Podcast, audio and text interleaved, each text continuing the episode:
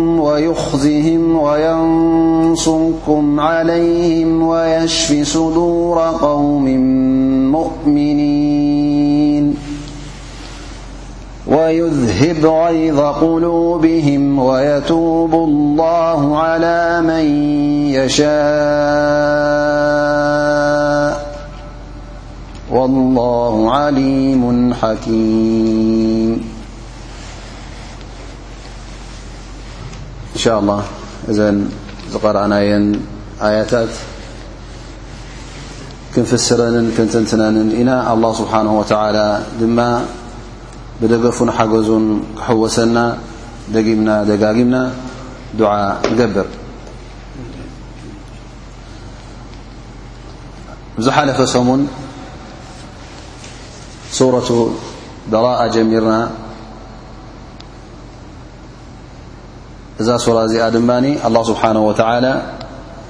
ከምኡ ውን ነቢና ሙሓመድ ለ ላ ለ ወሰለም ካብቲ ዝነበረ ውዕላት ናፃ ከም ምዃኖም ማለት ኣብዛ ሱራ እዚኣ እቶም ሙሽርኪን ኣላ ስብሓን ወተላ ንርባዕተ ወርሒ ዕድል ከም ዝሃቦም ጠቒስና ነይርና። እዚኦም ከኣ እቶም ካብ ኣርባዕተ ወርሒ ንታሕቲ ዝነበሮም ውዕል ከምኡ'ውን እቶም ብግዜ ዘይተወሰነ ፍኑው ውዕል ተዋሂቦም ዝነበሩ ንዕኦም ኣርባዕተ ወርሒ ተዋሂቦም። እቶም ካብኡ ንላዕሊ ዝያዳ ዝነበረ ውዕሎም ድማ እቲ ውዕሎም ክምላኣሎም ከም ዘሎ ንዑ ጠቒስና ማለት እዩ። ኣላ ስብሓን ወተላ ሕጂ ኣብዛ ኣያ እዚኣ እቲ በራኣ ተገበረ እቲ ካብ ሙሽርኪን ናፃ እየ ኢሉ ኣላ ስብሓን ወተላ ከምኡ ውን ነቢና ሓመድ ለ ላ ለ ወሰለም ክእውጁ እንከለዉ ስለምንታይ ከም ተኣወጀ ኣላ ስብሓን ወተላ እዚ ጉዳይ እዚ ኣብዚ ኣያ እዚኣ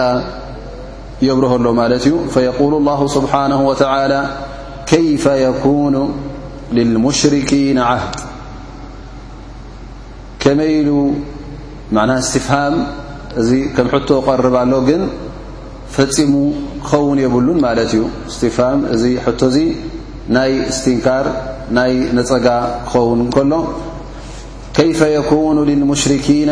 ዓህድ ወልዓህድ ማለት ኣማን ከም ምዃኑ ከምኡ ውን ውዕል ኪዳን ከም ምዃኑ ጠቒስና ነርና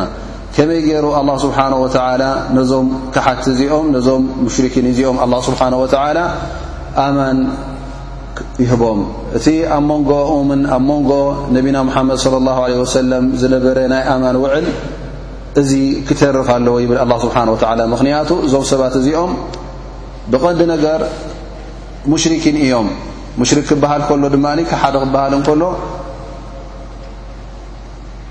ኣብ ክንዲ ንኣላ ስብሓን ወተዓላ ዘምልኽ ነቲ ኣላ ስብሓን ወተዓላ ዝፈጠሮን ዝኸለቆን ዝረዘቖን ገዲፉ ንእምንን ምስልን ስእልን ንኻልኦት ፍጡራት ከምልኽ እንከሎ እዞም ሰባት እዚኦም ከምዚ ዝኣመሰለ እምነት ዘለዎም ፈጺሙ ውዕል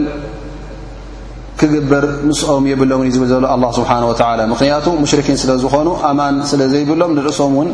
ኣማን ክወሃቡ የብሎምን እዞም ሰባት እዚኦም ካሓቲ እዮም ሙሽርኪን እዮም ላ ስብሓን ወተላ እዞም ሰባት እዚኦም ኣማን ኣይወሃቡ ኢሉ ኣላ ስብሓን ወተላ ሓቢሩ ማለት እዩ ግን ነዮኖት ኣውጺኡ ድማ እንደገና ኣላ ስብሓን ወተዓላ እዚ ኣያ እዚ ክጠቅስ እንከሎ ኩሉ ግዜ እቶም ዓህድ እቶም ውዕል ተዋሃቡ ግን እቲ ውዕሎም ክምልኣሎም ከም ዘሎ እንደገና ኣላ ስብሓን ወተዓላ የረጋገጽ ኣሎ ማለት እዩ ኢላ ለذነ ዓሃድቱም ዕንደ ልመስጅድ ልሓራም ጀካ እቶም ኣብ መስጅድ ኣልሓራም ሓረም ማለት እዩ እቲ ቦታ ሓረም ዝበሃል ግዴታ ውሽጢ መካ ኣይኮነን እንታይ ደኣ እቲ ዶብ ናይ ሓረም ዝበሃል ነቢ ስለ ላሁ ለ ሰለም ዝወሰኖ ኣብኡ ማለት እዩ ግን እዚ ዑለማ ኢሎም ኣይኖት እዮም እቶም ኣብ ዮም ልሑደይብያ ተዋህቡ ንዓሰርተ ዓመት ተዋሂቡ ዝነበረ ዳሕራ ግን ባዕሎም በቲኖሞ ማለት እዩ ላኪን ኣላ ስብሓን ወላ እንታይ እዩ ዝብል ዘሎ እቶም ውዕል ዝኣተኹሞም ውሱን ውዕል ዝኾነ መልእሎም እዩ ዝብል ዘሎ ኣላ ስብሓን ወተዓላ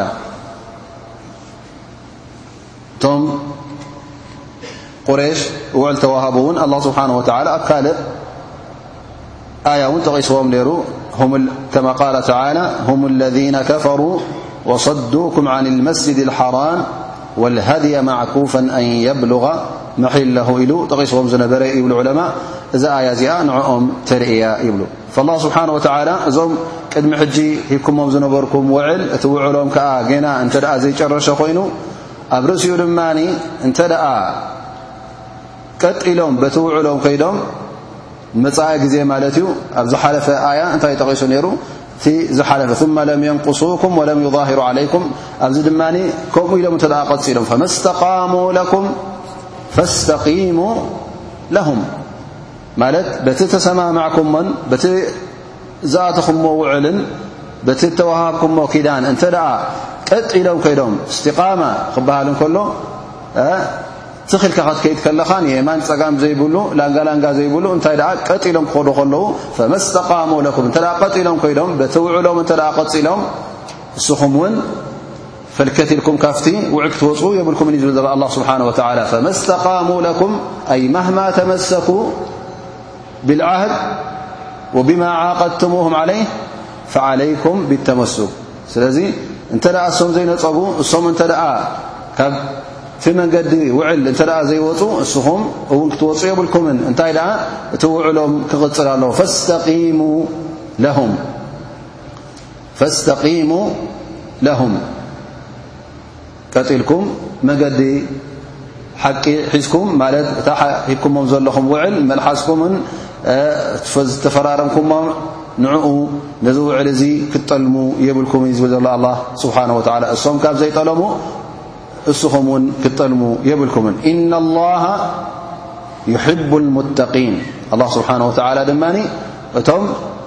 ፈራሃት ኣላህ ዝኾኑ እቶም ተቕዋ ኣላህ ስብሓን ወተዓላ ዝገብሩ ንዕኦም እዩ ዝፈቱ ኪዳን ምኽባር ውዕልካ ምሕላው እውን ካብ ምንታይ ተበጊስካ ኢኻ ትሕልዎ ካብ ተቕዋ ካብ እምነትካ ተበጊስካ ፍርሃት ዘይኮነ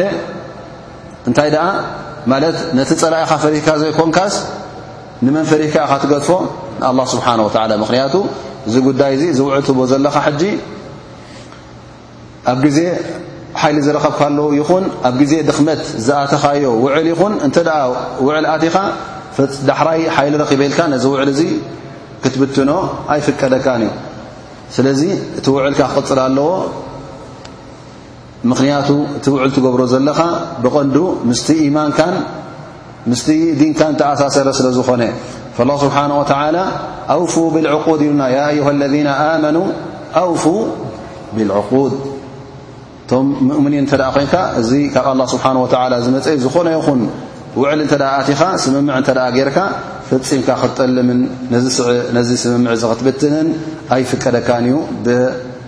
ትእዛዝ ኣላ ስብሓንሁ ወተዓላ ወነቢይ ስለ ላሁ ዓለህ ወሰለም ልክዕ ከምዚኦም ነይሮም ዝኾነ ይኹን ውዕል ኣብ መንጎኦምን ኣብ መንጎቶም ሙሽርኪን ዝነበረ ይኹን ከምኡውን ኣብ መንጎኦምን ኣብ መንጎቶም ኣይሁዳውያን ዝነበረ ፈፂሞም ኣይበተኑን መጀመርያ ኩሉ ግዜ ዝብትን ዝነበረ መን እዩ እቶም ሙሽርኪን ይኹኑ እቶም ኣይሁዳውያን ይኹኑ ንሶም እዮም ተቐዳዲሞም ዝብትኑ ነይሮም ወነቢይ ስለ ላሁ ለ ወሰለም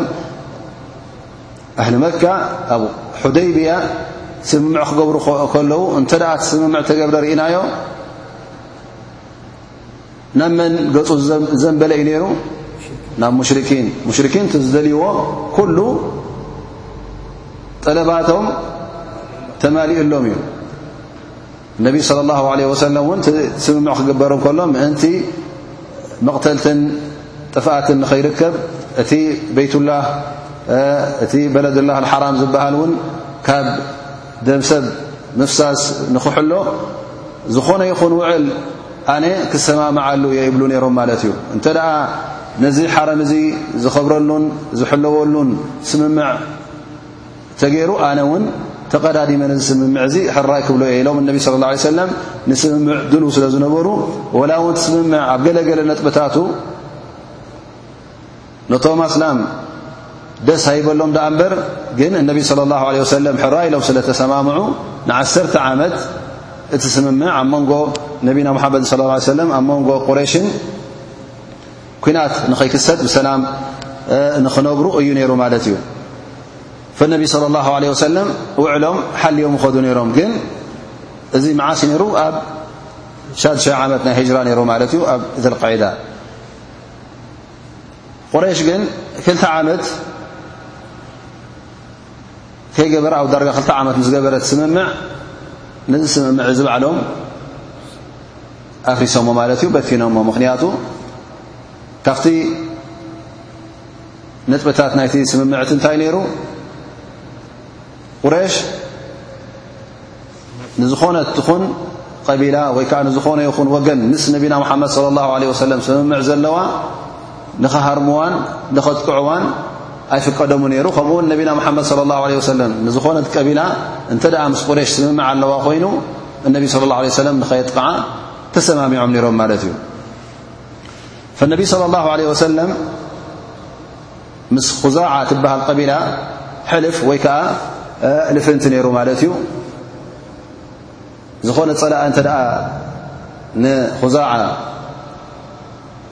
ኣጥቂዕዋ እነቢ ስለ ላሁ ዓለ ወሰለም ንኽሕግዛ ወይ እውን ዝኾነት ትኹን ጸላኢ ንነቢና ምሓመድ ስለ ላ ሰለም ኣጥቂዕዎ ክዛዓ እውን ክትተሓባበር ክትሕግዞ ከም ዘለዎ ከም ዝኣመሰለ ልፍንትን ስምምዕን ነይሩ ቁሬሽ ምስ መን ነይርዎም ምስ በኒ በክር ዝበሃሉ ቐቢላ ማለት እዩ ልፍንቶም ምስ በኒ በክር ሕጂ በኒ በክር እንታይ ገይሮም ነታ ክዛዓ ትበሃል ቀቢላ ንዓ ምስኣ ተባኢሶም ምስ ኩናት ከሲቶም ከምቲ ጎቦ ቁሬሽ ሕጂ ከምቲ ኣብ መንጎኣ ናብ መንጎ በኒ በክር ስምምዕ ዘሎ ክትተሓጋገዝ እያ ዘለዋ ማለት ዩ ስ በኒ በክር ግን ምስ ነቢይ ስለ ላሁ ለ ወሰለ እውን ካልኣይ ስምምዕ ስለ ዝገበረት ኹዛዓ ምስ ነቢ ስ ሰለም ልፍንቲ ስለ ዘለዋ ከም እነቢ ስለ ላሁ ለ ሰለም ክርእዋ ኣለዎም ማለት እዩ ከጥቅዕዋ የብሎምን ግን ነዚ ነገር እዚ ጥሒሶም ከይዶም ምስ በኒ በክር ተሓዊሶም ንመን ኣጥቂዖም ንኹዛዓ ኣጥቂዖማ ማለት እዩ ሕጂ እንታይ ገይሮም እቲ ዝነበረ ስምምዕ ሓደ ካብቲ ነጥብታቱ ጥሒሶሞ ማለት እዩ እዚ ምስ ተረኸበ ኹዛዓ እውን ልኡኽ ልኢኾም ናብ ነቢና መሓመድ ለ ላ ለ ወሰለም እንታይ ከም ተገበረ ቁሬሽ እውን ኣንጻሮም ዓጢቓ ከም ተዋግኦቶም ከም ዝቐተለቶም ምስ በኒ በክር ተሓጋጊዛ ከም ኣብ ዓዶም ከም ዝሃጀመቶም መፂኦም ነቢ ስ ላ ሰለም ምስ ነገርዎም እነቢ ስለ ላ ለ ወሰለም ብድሕሪኡ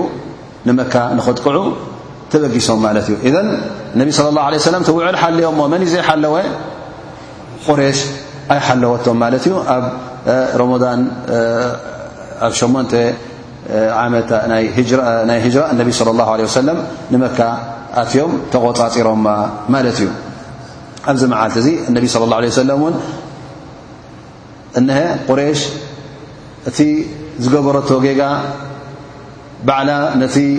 ስምምዕ በቲና ከላ እነቢ صለ ላሁ ለ ወሰለም መካ ምስ ኣተዉ ሃል ነቶም ኣብ መካ ዝርከቡ ኩሎም ቀትልዎም ነቢ ስ ሰለም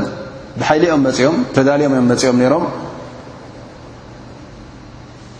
ኣብ መካ ንዝረኸብዎ ሰብ ፈፂሞም እንተ ደኣ ዘይተዋግዐ እንተ ሰይፉ ዘየልዓለ እነቢ ስለ ላه ለ ሰለም ሰይፉ ኣየልዓለሙን በል ኣብዚ መዓልቲ እዚ ነቢይ صለ ላه ለ ሰለም እቶም ከነመስልና ኢሎም ዘመስለሙ ሕራ ኢሎሞም እቶም ዝኣበዩ እውን ፈንዮሞም ማለት እዩ ካብ መካ እውን ዝሃደመ ነይሩ ምኽንያቱ እቲ ዝገበሮ ገበናት ዓብ ስለ ዝነበረ ነቢይ صለ ላሁ ለ ወሰለም ነዞም ሰባት እዚኦም እውን ደድሕሪኦም ከይዱ ኣየጓይኦምን እንታይ ደኣ ዕድል ሂብዎም ማለት እዩ ንርባዕተ ወርሒ ዝኸውን ዕድል ሂብዎም ከም በዓል ሰፍዋን ብን እመያ ወዕክሪማ ብኒ ኣቢ ጃሃል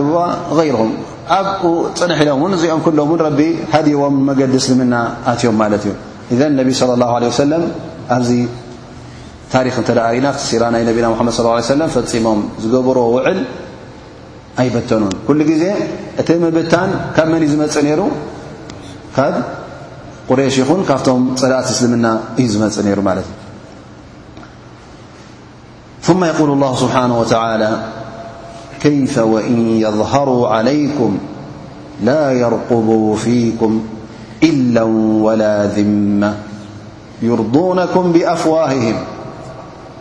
وتأبى قلوبهم وأكثرهم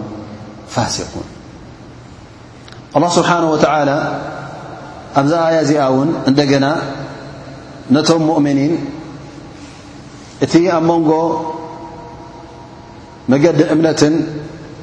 መገዲ ክሕደትን ሽርክነትን ዘሎ ዓብዪ ፍልልይ ክልቲኡ እውን ክራኸብ ከም ዘይኽእል ኣላ ስብሓን ወተዓላ ኣብዛ ኣያ እዚኣ ነቶም ሙእምኒን ፈፂሞም ምስቶም ሙሽርኪን ክራኸቡ ከም ዘይክእሉ ይብርሃ ኣሎ ማለት እዩ መገዲ ሽርክነት ንበይኑ እዩ መገዲ እምነት እውን ንበይኑ እዩ ብዝያደ ኣላ ስብሓን ወተዓላ ምናልባሽ ኣብ መንጎቶም ኣብ እስልምና ኣትዮም ዘለዉን ኣብ መንጎቶም ኣብ ሽርክነት ዘለዉን ገለ ናይ ስድራ ርክብ ናይ ዓሌት ናይ ቀቢላ ናይ ማላዊ ርክባት ናይ ኣዱንያ ረብሓ ዘለዎ ርክባት ነይሩ እዩ ክህልዎ እውን ይኽእል እዩ ስለዚ ምናልባሽ እቶም ሙእምኒን እዚ ነገር እዚ ምእንቲ ዕንቅፋት ከይኮኖም ኣጸቢቑ ንኽበርሃሎም እቲ ዝግበር ዘሎ ውዲት ኣንጻሮም ዓቢ ከም ምዃኑ እንደገና እቲ ጽልኢ እውን ቀሊል ከም ዘይኮነ ንኸብርህ እቲ ኣብ ልቢ እቶም ሙሽርኪን ዘሎ ጽልኢ ክሳዕ ክንደይ ዓቢ ከም ምዃኑ ኣላህ ስብሓን ወተዓላ የብርሃሎም ኣሎ እሞ ኸዓ እንተ ደኣ ከምዚ ዓይነት ጽልኢ ዘለዎ ወገን እንተ ደኣ ኾይኑ ሃልስኻ ትፈትዎ ንሱ ለይትን መዓልትን ውዲት ኣንጻርካ ዝገብር እንተ እዚ ሰብ እዚ ንዓኻ እተ ረኺቡ ንኸጥፍእ ጥራይ ዝሓስብ እንተ ኮይኑ ንስኻ ግዴታ ጸላኢኻ ከም ፈታዊኻ ረኣዮ ዝብል ሰብ የለን ቁሩብ እተ ዓቕሊ ዘለዎ ሰብ ንጸላኢኻ ከም ፈታዊኻ ጌርካ ቅርቦ ዝብል ኣሎ ኣይኮነን ፀላኢኻ ከም ፀላእኻ ጌርካ ክትሪኦ ኣለካ ማለት እዩ ክትጥቀቕ ኣለካ ስለዚ ኣላ ስብሓን ወተዓላ እቲ ኣብ ልቢ እቶም ሙሽርኪን ዘሎ ፅልኢ እንደገና የብርሃሎም ኣሎ እሞ እቲ ኣላህ ስብሓነሁ ወተዓላ ኣውሪድዎ ዘሎ ነቢና ሙሓመድ ስለ ላሁ ሰለም ኣነ ናጻ እየ ንኽብሉ እቶም ሙእምኒን እውን መገዲ መን እዮም ሒዞም ክኸዱ ዘለዎም መገዲ ነቢና ሙሓመድ ስለ ላሁ ለ ወሰለም ካብ ሙሽርኪን እውን በራእ ክብሉ ከም ዘለዎም ናጻ ኢና ክብሉ ከም ዘለዎም እዩ ዝደፋፍእ ዘሎ ኣላ ስብሓን ወተዓላ ኣላ ስብሓን ወተዓላ ነዚ ናጻ ኢልካ ንምግስጋስ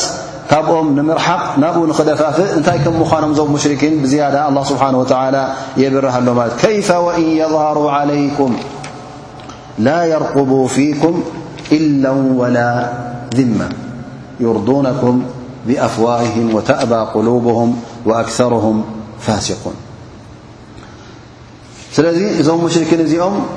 ኣብ መንጎ ኣብ መንጎቶም ሙእሚኒን ከምኡ ኣብ መንጎኦምን ኣብ መንጎ ሙእሚኒን ውዕል ክርከብ የብሉን ምኽንያቱ እዞም ሰባት እዚኦም ብኣላህ ስብሓን ወተዓላ ዝኸሓዱ ብነቢና ሙሓመድ ለ ላሁ ለ ወሰለም እውን ዝኸሓዱን ንነቢና ሙሓመድ ስ ሰለም እውን ዝጸልኡን እዮም እዚ ካብ ኮነ ስርሖም እዞም ሰባት እዚኦም ምስኦም ውዕል ንኽግበር ኣይፍቀድን እዩ ኣየድልን እዩ ላ የስተሕቁነ ዛሊክ እዚ ክግበር እውን ኣብኡ ኣብዚ መድረኽ እዚ ወይ ከዓ ኣብዚ ፀፍሒ እዚ ክበፅሑ ኣይፍቀድን እዩ ምኽንያቱ እዚ ዝጸልእዎ ዘለዉ ሰብ ዝኾነ ተራ ሰብ ኣይኮነን መን እዩ ልኡኽ ኣላ ስብሓን ወተዓላ እዩ እቲ ዝነጽግዎ ዘለዉ መልእኽቲ መልእኽቲ ኣላ ስብሓን ወተዓላ እዩ ስለዚ እዞም ሰባት እዚኦም ፍጹም ኼር ዘለዎም ሰባት ኣይኮኑን ንኼር እውን ድልዋት ኣይኮኑን ስለዚ ምእዞም ሰባት እዚኦም ስምምዕን ውዕል ንክትገብር ኣስጋኢ ስለ ዝኾነ ኣተኣማማኒ ስለ ዘይኮነ ፈጺምካ ክግበር የብሉን ከምኡ ውን እዞም ሙሽርኪን እዚኦም ከምቲ ኣላ ስብሓን ወተዓላ ዝብል እንተ ደኣ ካባኹም ንላዕሊ ቁሩብ ሓይሊ እንተ ደኣ ረኺቦም እንተ ደኣ ንኽስዕርኹም ዕድል እንተ ደኣ ረኺቦም ድማኒ ፍጹም ኣይርሕምኹምን እዮም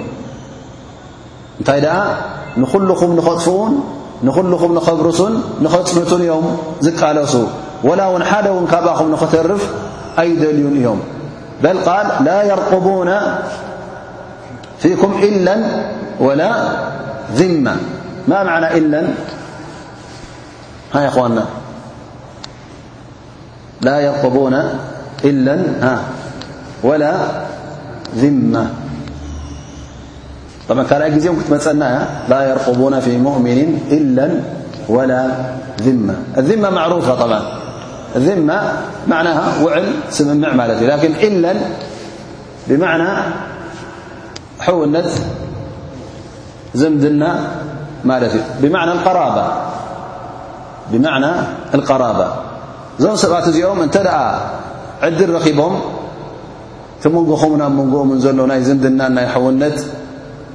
ንዕኡ ፍጹም ኣይኽብርዎን እዮም ወላ እውን እቲ ስምምዕ ኣብ መንጎኹምን ኣብ መንጎኦምን ዘሎ እውን ፈጺሞም ኣይኽብርዎን እዮም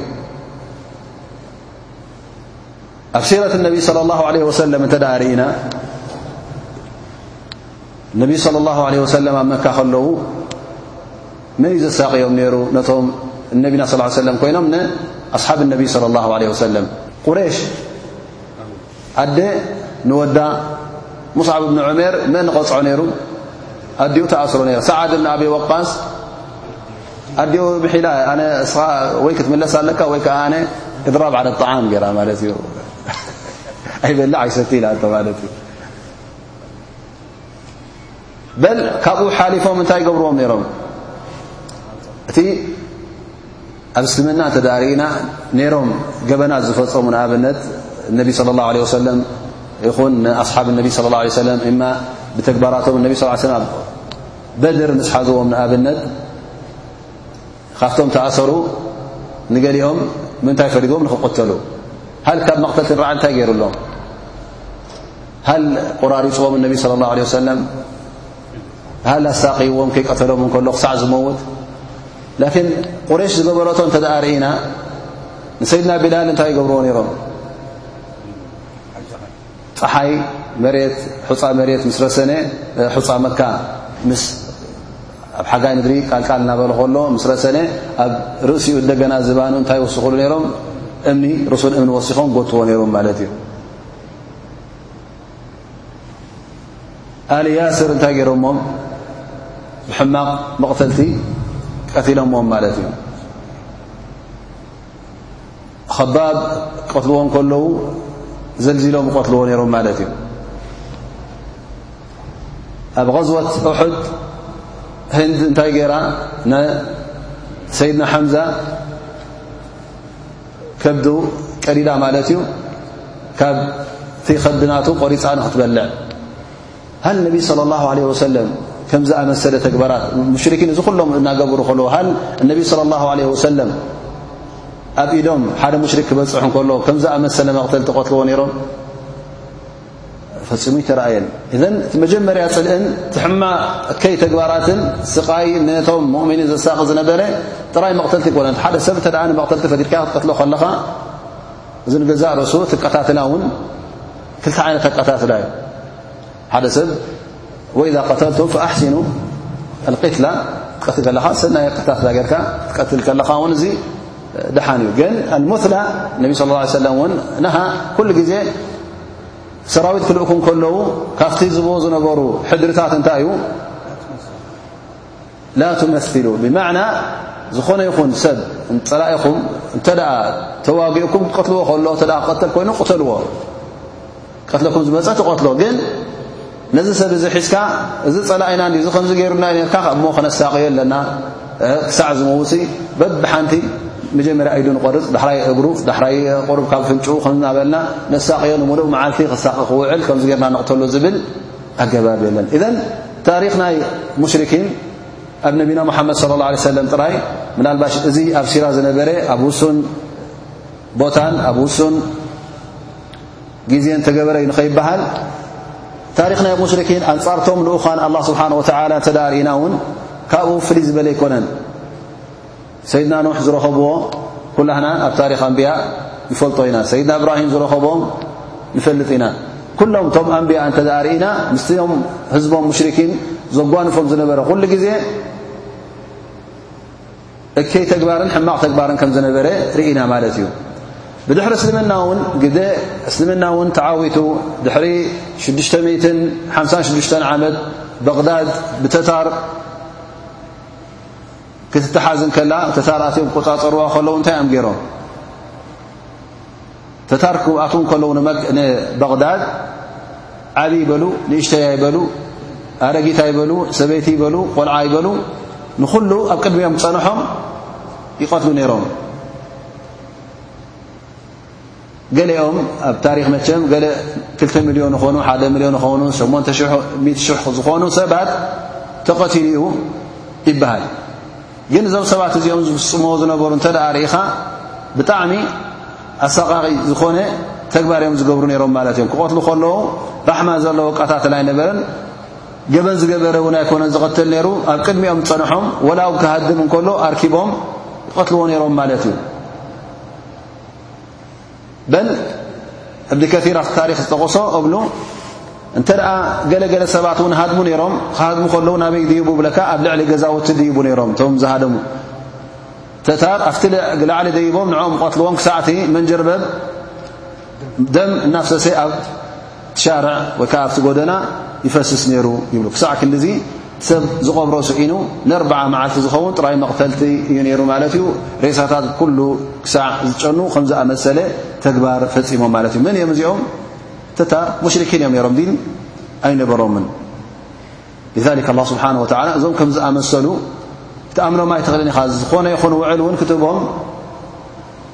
ኣስጋኢ ስለ ዝኾነ ላ ስብሓን ወተላ ምስዚኦም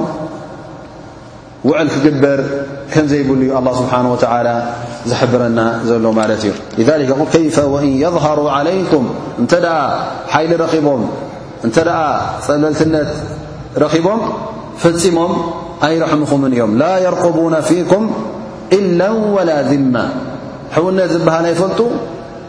ውዕል ዝበሃል እውን ኣይሕልዉን እዮም ዩርዱነኩም ብኣፍዋህህም እንተ ደኣ ቁሩብ ድኽመት ኣብ ነፍሶም ሪኦም እንታይ እዮም ዝገብሩ ብመልሓሶም ጥራይ ጽቡቕ መልሓስ ገይሮም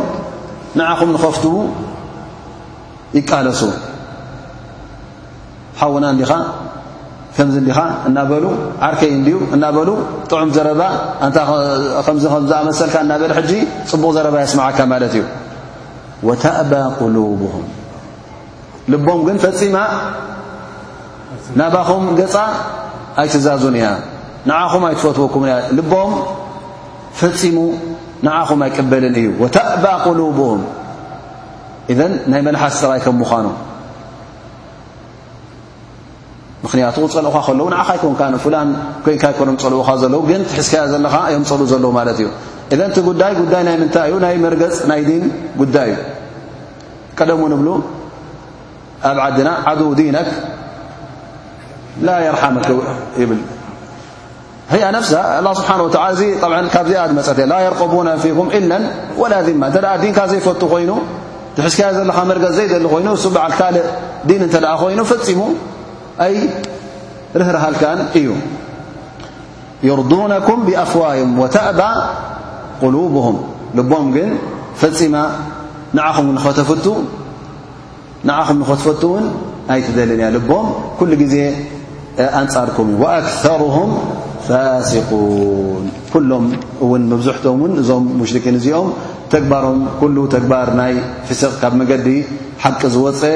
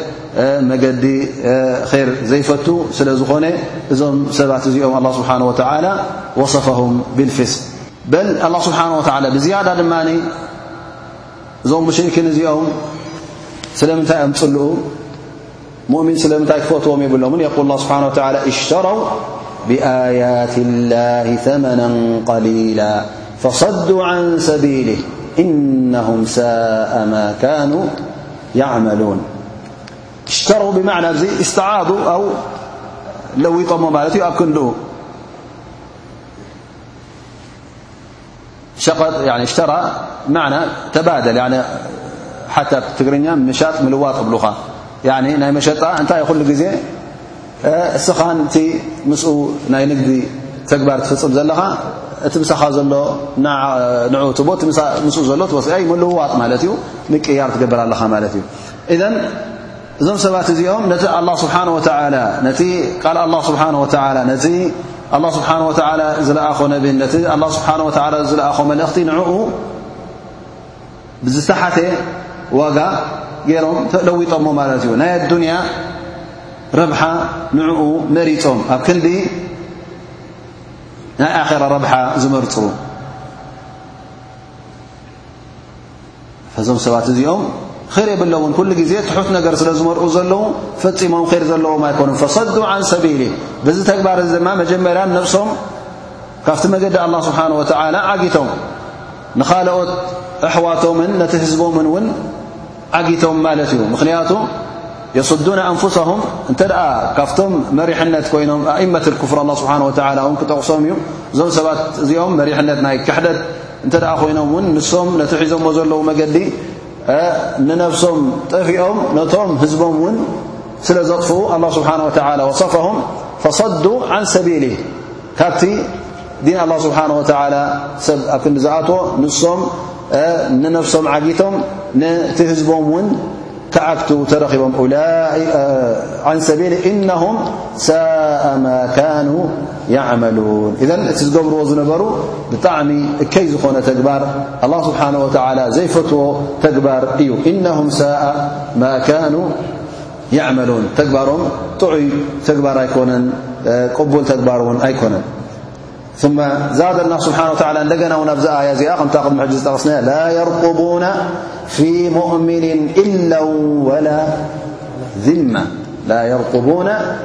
مؤمن إلا ولا ذمة نت حد سب مؤمن كين ر م مس شركنتم م طفعتنام ዘይከይድ እንተ መገዲ ሓቂ መሪፁ ንሶም ከዓ ኣብቲ መገዲ ሽርክ እተ ኣለዉ ኮይኖም እዞም ሰባት እዚኦም ነዚ ኣማን እዚ ነዚ ሙእምን እዚ ፈፂሞም ኼር ኣይፈድይዎን እዮም ወላ እውን ስምምዕ ኣይሕልውሉን እዮም ወላ እውን ሕውነትን ዕርክነትን ዝምድናን እውን ኣይሕልውን እዮም እንታይ ደኣ እዞም ሰባት እዚኦም ብእከዮም ነዚ ሓዎም እዚ ይኹን ነዚ ስምምዕ ገይሮም ምስኡ ዝነበሩ እውን ኩሉ ግዜ ብእከይ እዮም ዝፈድይዎ ማለት እዩ። ሕማቕ ኣቀታትላ እተ ኮይኑ ብሕማቕ ኣቀታትላ ክቐትልዎ፣ ክጎድእዎ እተ ኮይኖም እውን ብሕማቕ ጉድኣት እውን ይጎድእዎ ማለት እዩ። ላካ ወላካ ሁም ልሙዕተዱን ላ ስብሓን ወተላ ነዞም ሰባት እዚኦም ድማ ሙዕተዲን ይብለዎም ኣሎ ብማዕና ኣልሙዕተዲ ኣልዛልም ዓማጺ ማለት እዩ ከምኡ ውን ሕጊ ዝጋሃሰ እዞም ሰባት እዚኦም ስምምዕ ገይሮም ነቲ ስምምዕ ስለ ዘይሓለው ነቲ ገደብ ሰጊሮም ማለት እዩ ዕተደው ነቲ ሕጊ ነቲ ስምምዕ ጥሒሶም ማለት እዩ ፈውላይካ ም ልሙዕተዱን እዚኦም እዮም ቶም ብሓቂ ዓመፀኛታትን ገደብ ሰገርትን ገደብ ጠቕሓስትን እዩ ዝብለና ዘሎ ኣላ ስብሓን ወተላ እንተ እዞም ሰባት እዚኦም ተባይሎም ናብ መገዲ ሓቂ ተመሊሶም ነታ ኣላ ስብሓን ወተላ ዝኣዘዛ ፍርዲ ሰላት ንዓኣ እንተ ቀጣቢሎም ኣቂሞማ ከምኡ ውን ነቲ ኣላ ስብሓን ወተላ ዝኣዘዞ ዘካት እንተ ሓልዮሞ እዞም ሰባት እዚኦም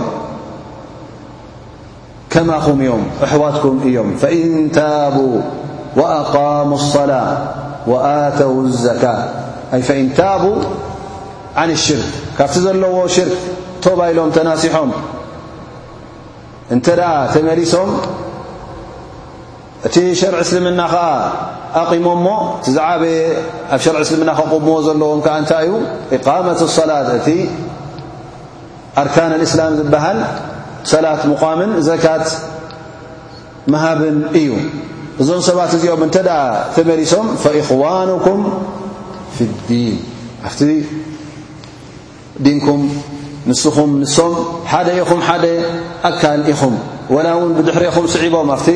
ዲን ይእተዉ ደኣ እምበር ልክዕ ከማኹም እዮም ስለዚ ኣላ ስብሓን ወተዓላ ኣፍ ደገ ናይ ቶባ ኣይ ዓፀዎን ኣሎ እዞም ሰባት እዚኦም ኣብዘን ኣርባዕተ ወርሒ ዕድል ተዋሂቦም ዘሎ ቶባ ኢሎም እንተ ደኣ ተመሊሶም ልክዕ ለኩም ዓለይህም ማዓለይኩም ልክዕ ከምቲ ንዓኹም ዝግብኣኩም ይግብኦም ከምቲ ንዓኹም ዝወሃበኩም ድማ ይወሃቡ መሰሎም ማለት እዩ ከምቲ ዝናት ንኹም ንዓኹም ዘለኩም መሰል ንኦም እውን መሰሎም ሕልው እዩ ዝብል ዘሎ ኣላ ስብሓን ወተዓላ ፈእኽዋኑኩም ፊ ዲን ወንፈስሉ ኣያት ሊቆውም ያዕለሙን ኣላ ስብሓን ወተዓላ እቲ ኣያታት እውን ንመና ንትንትኖ ነቶም ኣላ ስብሓን ወተዓላ ፍልጠት ዝሃቦም እቶም ሙሽርኪን ኣላ ስብሓን ወተዓላ ቅድሚ ሕጂ ላ ያዕለሙን ኢሉ ጠቒስዎም ማለት እዩ ኣይርዱኡን እዮም ኣይፈልጡን እዮም ምኽንያቱ ጥቕሞም ስለ ዘይሓለዉ ነቲ መገዲ ሓቂ እውን እናረኣይዎ እናፈለጥዎሩ እንከለዉ ንዕኡ ስለ ዝገደፉ ኣላ ስብሓን ወተዓላ ከም ዘይፈልጡን ደናቑሩን ገይሩ ኣቕሪቦም ላኪን እንተ ደኣ ተውባ ኢሎም ናብ መገዲ ሓቂ ተመሊሶም ግን እዞም ሰባት እዚኦም ካፍቲ ድንቁርናን ጥፍኣትን እንታይ ኮይኖም ማለት እዮም ካፍቶም መገዲ ሓቂ ክመምዩ ዝኽእሉን ካፍቶም ኣላ ስብሓን ወተዓላ ፍልጠት ዝቐሰመሎምን ይኾኑ ማለት እዩ ወንፈስሉ ኣያት ሊቀውምን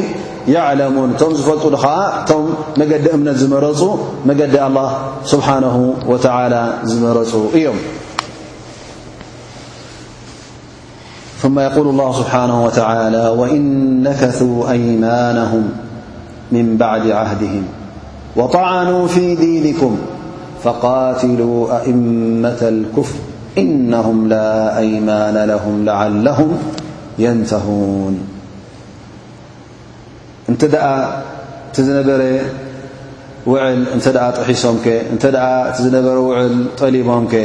ወእን ነከሱ ኣይማናሁም ምን ባዕድ ዓህድህም ባዕሎም ሕራይ ኢሎም ውዕል ኣትዮም እንከለዉ ኣብቲ ስምምዕቲ እውን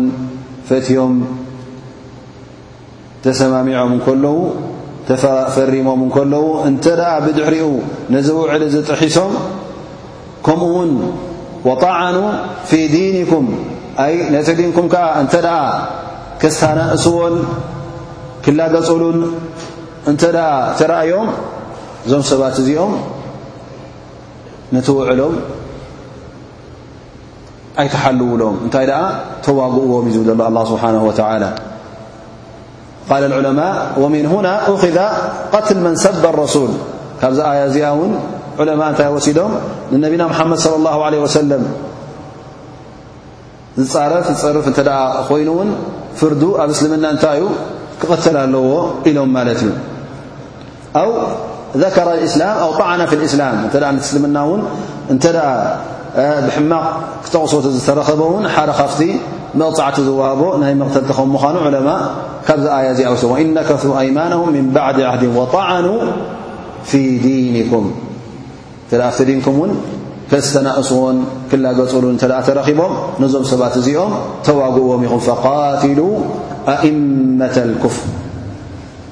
ኣላ ስብሓን ወተላ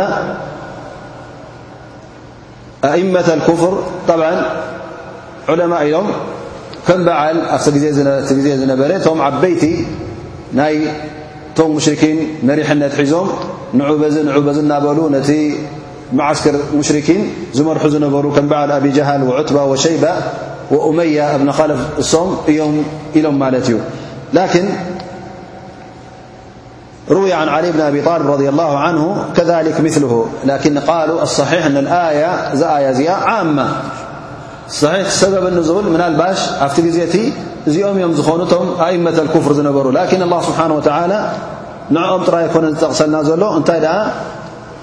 እንሶም ይኹኑ ካልኦት ንዕኦም ዝመስሉ እውን ላኣኑ ዝኾነ ይኹን ካሓቲ ሙሽርኪን እውን ነናቶም መመርሒነቶም ቀፀልቲ ኣለዉ ማለት እዮም መሪሖምም ዝኸዱ ኣንጻር እስልምና ንክንቀሳቀሱ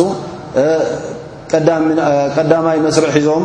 ዝዋግእዎ ስለ ዘለዉ እዞም ሰባት እዚኦም ልክዕ ኣላ ስብሓን ወተዓላ ኣብዛ ኣያ እዚኣ ንዕኦም ብኦም ክጅመር ከም ዘለዎ ምኽንያቱ ንሶም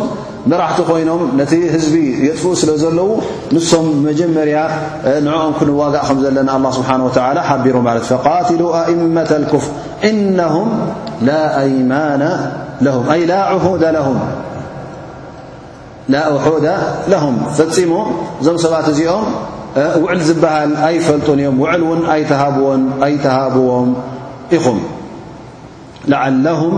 የንተሁን ኣይ የርጅዑን ምናልባሽ ወይ ከዓ ምእንቲ ካብቲ ዘለዎ ጌጋ ምእንቲ ንኽምለሱ ካብቲ ዘለዎ ክሕደት ካብቲ ዘለዎ ዕናድ ካብቲ ዘለዎ ጥፍኣት ምእንቲ ንኽምለሱ ከምዚ ጌርኩም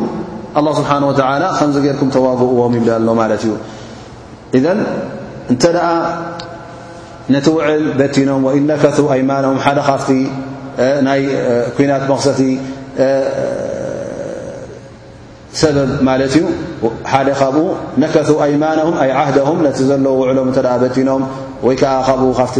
ዝነበረ ንጥብታት ሓደ ነጥቢ እተ ጥሒሶም ወይ ውን እንተ ኣብቲ እስልምና ኣንፃሩ ንክዛረቡ ንኡ ብሕማቕ ክጠቕሱ እተ ተራኪቦም ንነቢና ሓመድ ለ ለ ሰለም ን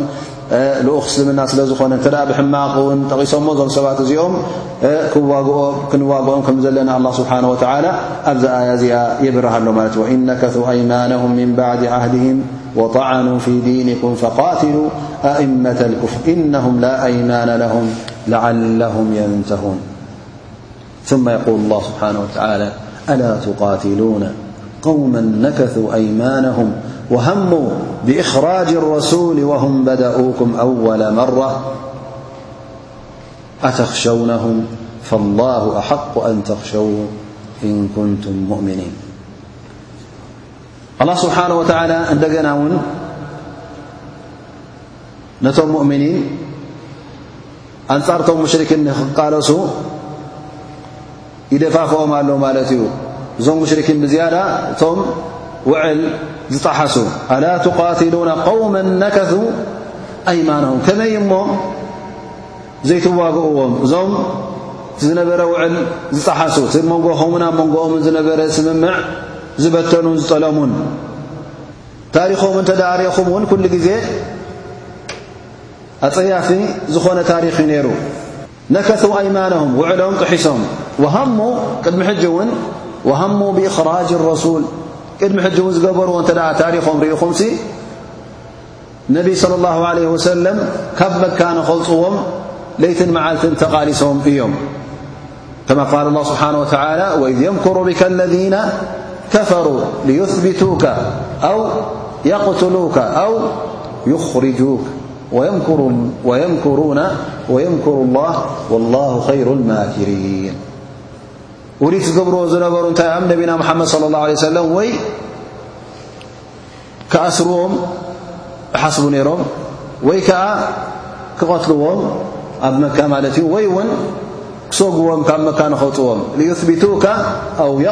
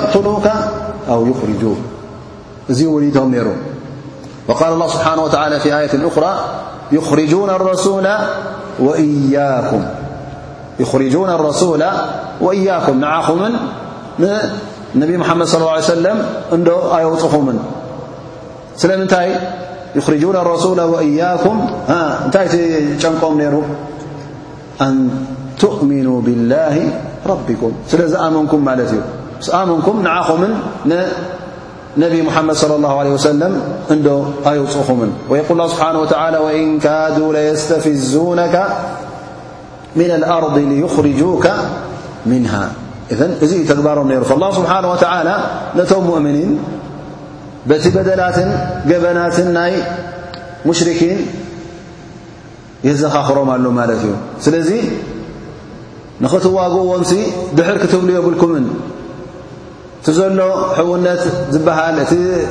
ረብሓ ናይ ኣዱንያ ገለ ናብኡ እውን ክትጥምቱ የብልኩምን ምኽንያቱ እዞም ሰባት እዚኦም ሕውነት ኣይሓለውን ቅድሚ ሕጂ ረብሓ ናይ ኣዱንያ እውን ንዕኦም ጥራዮም ዘልዮሞ ንዓኹም ድማ ይዋግኡኹም እዮም ነሮም ስለዚ ነዚ ነገራት እዚ ግልፅ ክበሃል የብሉን እንታይ ደኣ ከምቲ ኣላ ስብሓን ወተላ ዝእዘኩ ኣላ ትቃትሉና እዚ ኣላ ስብሓን ወተላ የተባብዕ እዩ ዘሎ መሰነቶም ሙእምኒን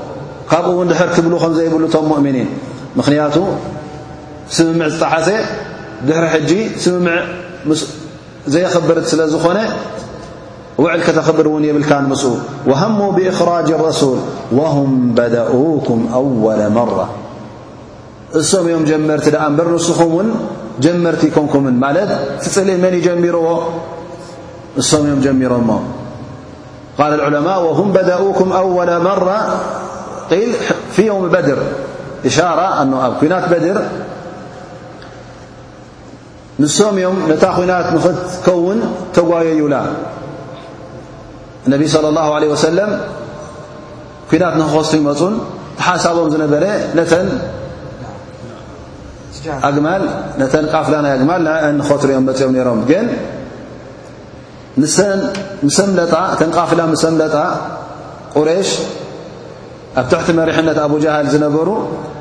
ፈጺምና ኣይንምለስ ኢና ወይ በድር ክንበጽሕ ኣለና ኣብኡ ድማ ቀኒና ሰለስተ መዓልቲ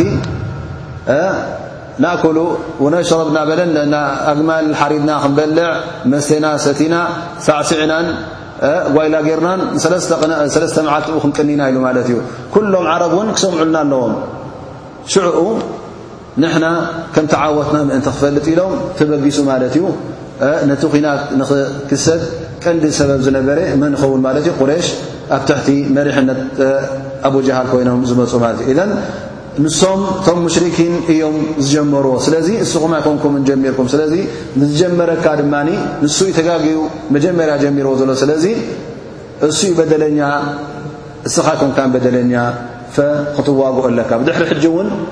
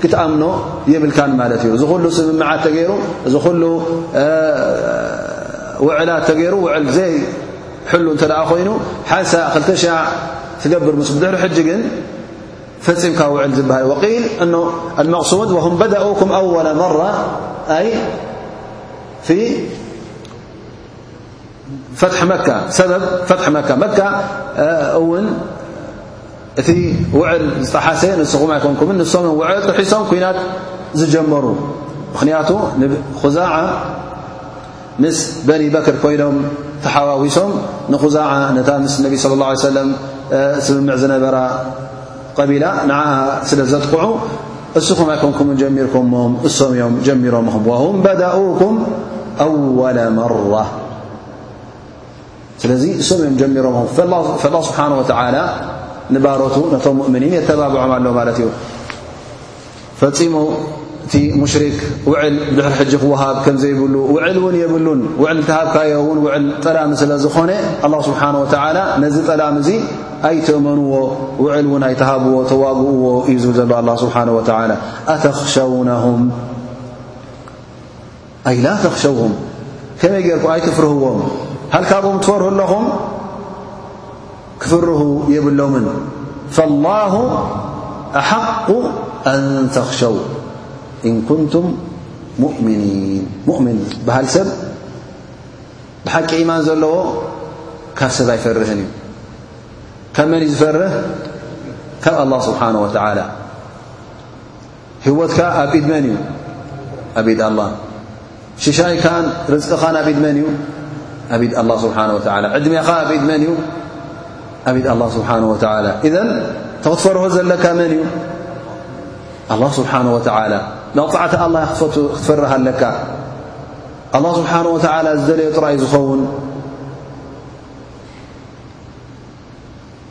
ስለዚ መገዲ ኣላ ስብሓን ወተዓላ ሒዝካ ክትጸንሕ ከለኻ እዚ እዩ ትፍርሃት ኣላ ስብሓን ወተዓላ ካብ ጸላኢኻ እውን ክትፈርህ የብልካን ካብ ሸር ኣላ ስብሓን ወተዓላ ቐጥ ኣቢልካ ሒዝካ ክትከይድ ኣለካ ደኣ እምበር ምእንቲ ጸላኢኻ ንኽፈትወልካ ወይ ካብኡ ፈሪህካ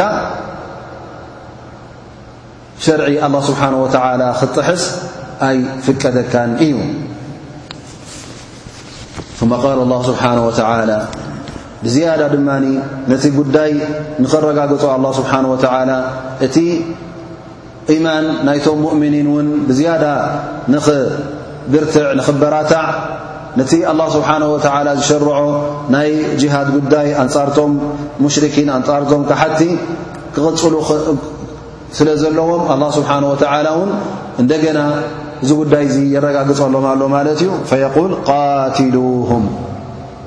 ቃትሉሁም ተዋግእዎም ኢኹም እዞም ጸላእትኹም ተዋግእዎም ኢኹም ኣይትፍርህዎም ካብ ኣላ ስብሓን ወተዓላ ፍርሁ ፈላ ስብሓን ወተዓላ ክትዋግእዎም ክንዝዘኩም እንከሎ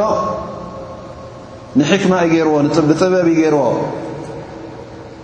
እዞም ሰባት እዚኦም ክሓቲ ስለ ዝኾኑ ኣላ ስብሓን ወተዓላ ጌና በዱንያ ከለዉ እውን መቕጻዕቲ ከውርደሎም ስለ ዝደለየ እዩ ቃትሉሁም ዩዓذብሁም ላሁ ብኣይዲኩም ኣላ ስብሓን ወተዓላ ኣብ ኣዱንያ ነቶም መገዲ ኣላ ስብሓን ወተዓላ ዝገደፉ ይቐፅዖም እዩ ብዙሕ ዓይነት መቕፃዕቲ ኣለዎ ቀደም ኣላ ስብሓን ወተዓላ ነቶም ክሓቲ እውን መቕዘፍቲ ካብ ሰማይ ኣውሪዱ ብጠይርን ኣባቢል ከም ነቶም ጀሽ ኣብርሃ ንመካ ዝመፀ ሰራዊት ኣብርሃ ኣላ ስብሓን ወተዓላ ጠይር ኣባቢል ልኢኹ ኣህሊቕዎም ቆውሙ ኑሕ ህዝቢ ኑሕ ድማ መልእኽቲ ኑሕ ምቕባል ምስ ኣበዩ መገዲ ኣላ ስብሓን ወተዓላ እምቢ ምስ በሉ ኣላ ስብሓን ወተዓላ ብምንታይ ኣጥፍእዎም ብማይ ኣጥፍእዎም ማለት እዩ ብማይ ጠሊቖም ንኸምጠፍኡ ገይርዎም ልክዕ ከምኡ ውን ቀውሚ ፍርዖን ኣላ ስብሓን ወተዓላ ብባሕሪ ኣብ ባሕሪ ጠሊቖም ንክምጠፍኡ ገይርዎም ኣሎ ድማ ካልእ ዓይነት ናይ መቕጻዕቲ ኣላ ስብሓን ወተዓላ ዘውርዶ እሱ ኸዓ ነቶም ካሓቲ ነቶም መገዲ ኣላ ስብሓን ወተዓላ እምቢ ዝበሉ ኣላ ስብሓን ወተዓላ ብኢድቶም ኣመንቲ ገይሩ የህልቆምን የጥፍኦምን ማለት እዩ ذ ላ ስብሓን ወላ የል ቃትሉም እዞም መገዲ ሽርክ ዝመረፁ እዞም ውዕል ዘይብሎም እዞም ኣንጻርኩም ለይትን መዓልትን ዝቃለሱ ዘለዉ ውዲትና ኣለሙ እዞም ንዓኹም ዕድል እንተ ረኪቦም ድማ እንተ ቁሩብ ሓይሊ ረኪቦም ድማ ንዓኹም ሓንቲ ለይቲ ክሕድርኹም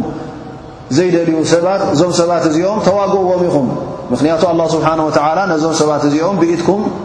ከሳቕዮም እዩ ብኢትኩም ክቐጽዖም እዩ ቃትሉም ዩዓذብሁም ላሁ ብኣይዲኩም ሓደ ካብቲ ሕክመት ላ ስብሓን ወተዓላ መቕጻዕቲ የውርደሎም ማለት እዩ ጌና ኣብ ኣዱንያ እንከለዉ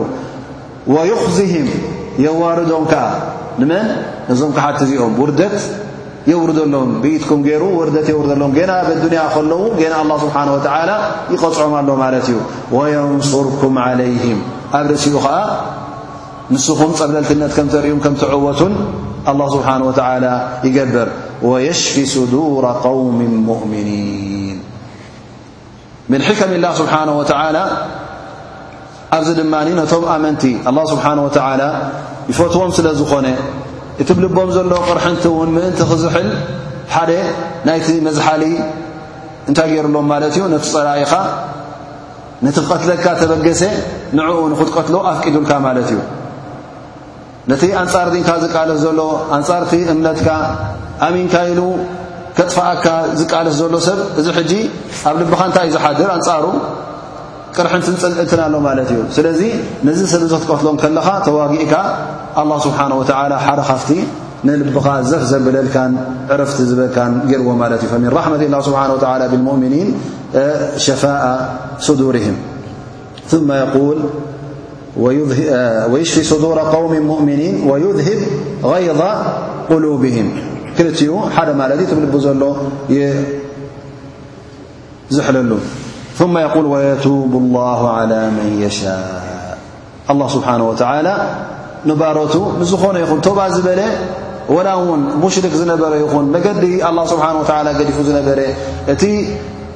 ኣንጻር እስልምና ዝቃለስ ዝነበረ እቲ ንሙእምኒን ዝቐተለን ዘጥፈአን እውን እንተ ደኣ ገና ከይሞተ ከሎ ኣብ ኣዱንያ እንከሎ ቶባ እንተ ደኣ ኢሉ ኣላ ስብሓን ወተዓላ ቶባ ከም ዝብለሉ ኣፍ ደገ ቶባ ክፉት ከም ምዃኑ ኩሉ ግዜ ኣላ ስብሓን ወተዓላ የብርሃ ኣሎ ማለት እዩ ወየቱቡ ላሁ ዓላ መን የሻኡ ምን ዒባድ ዓላ መን የሻእ ማለት ካብ ባሮቱ እቶም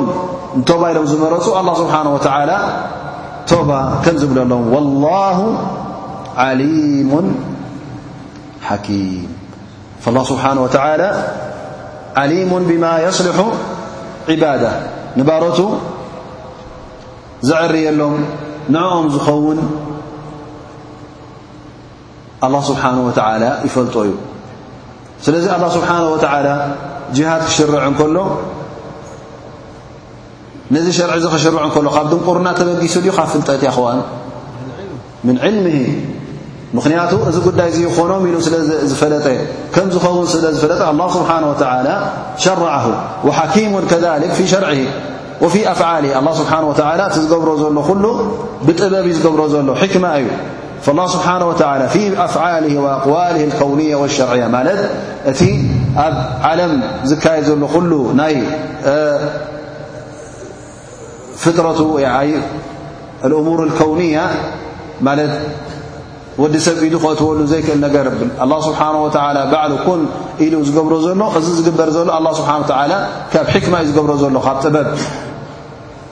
ወይ ከዓ ብጥበቡ እዩ ዝገብሮ ዘሎ እቲ ዝሸርዖ ዘማ ሸርዒ እቲ መገዲ ኣላ ስብሓን ወተዓላ ከብር እንከሎ እቲ ኢቃመት ሰላት ሰላት ከተቆም ቶባ ቶባኻ ቅቡል ክገብሮ እንከሎ እቶም ሙሽርኪን እውን ኣብ ጥፉእ መገዲ ስለ ዘለዉ እቲ ሙእምን ኣብ መገዲ ሓቂ ከም ዘሎ መገዲ ጅሃድ እውን ክሽርዕ እንከሎ ኣላ ስብሓን ወተዓላ እቲ ሸርዒ ከውርድ እንከሎ ኩሉ እዚ ኩሉ ካብ ፍልጠቱን ካብ ሕክማ ናቱን ማለት ካብቲ ፍልጠት ወሰን ዘይብሉ ፍልጠት ኣላ ስብሓን ወተዓላ ከምኡ እውን ካብቲ ሕክማናቱ ስለ ዝኾነ ፈፂሙ ጌጋ ክኸውን ኣይክእልን እዩ ላ ስብሓን ወተዓላ ዝሸርዖ ቅኑዕን ቅቡልን ንወዲ ሰብ ከዋንን ኮር ምዃኑ ኣላ ስብሓን ወተዓላ ነዚ ኣያ እዚኣ ወላሁ ዓሊሙን ሓኪም ኢሉና ማለት እዩ